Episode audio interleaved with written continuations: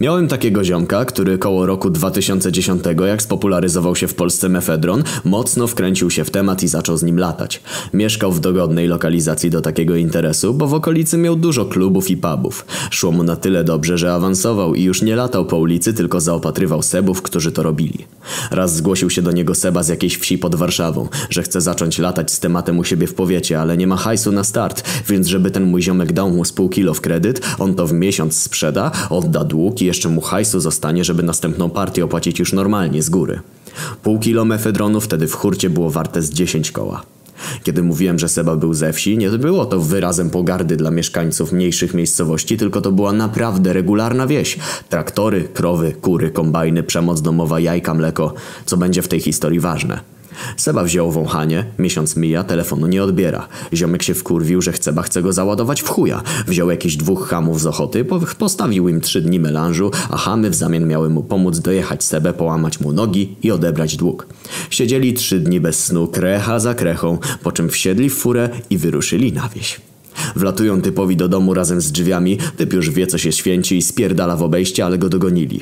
Już go mają łamać na miedzę, a typ krzyczy Panowie, nie podejmujcie pochopnych decyzji. Nie łamcie mi nóg. Wiem, spierdoliłem sprawę. Przejebałem cały wasz hajs, ale wam to wynagrodzę z nawiązką. Mam dla was interes życia. Tylko dajcie mi pójść do chlewu.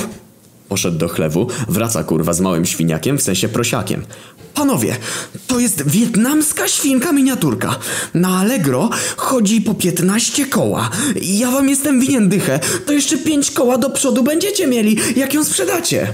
Typy jak to usłyszały, to się zajarały, no bo przecież kalkulacja jest prosta. 5 tysięcy polskich złotych do przodu jak nic.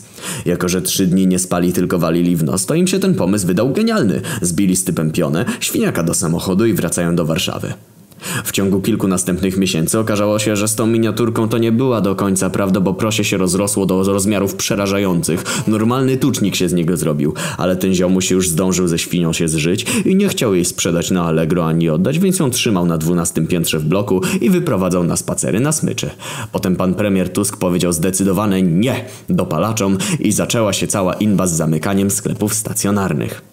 Ziomek od świni się przewrócił z mefedronu na klefedron, więc niby legal, ale policja się na niego uwzięła i z braku środków prawnych po prostu spuszczała mu w pierdol zawsze jak go spotkała.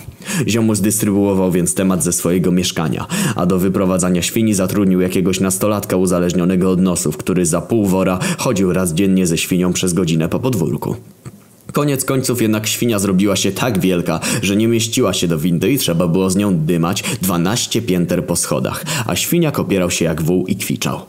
W tej sytuacji jedynym humanitarnym rozwiązaniem było osiedlenie jej z powrotem na wsi. Znowu trzeba było hamów wynajmować, żeby świniaka zapakowali do samochodu, bo nie dało rady.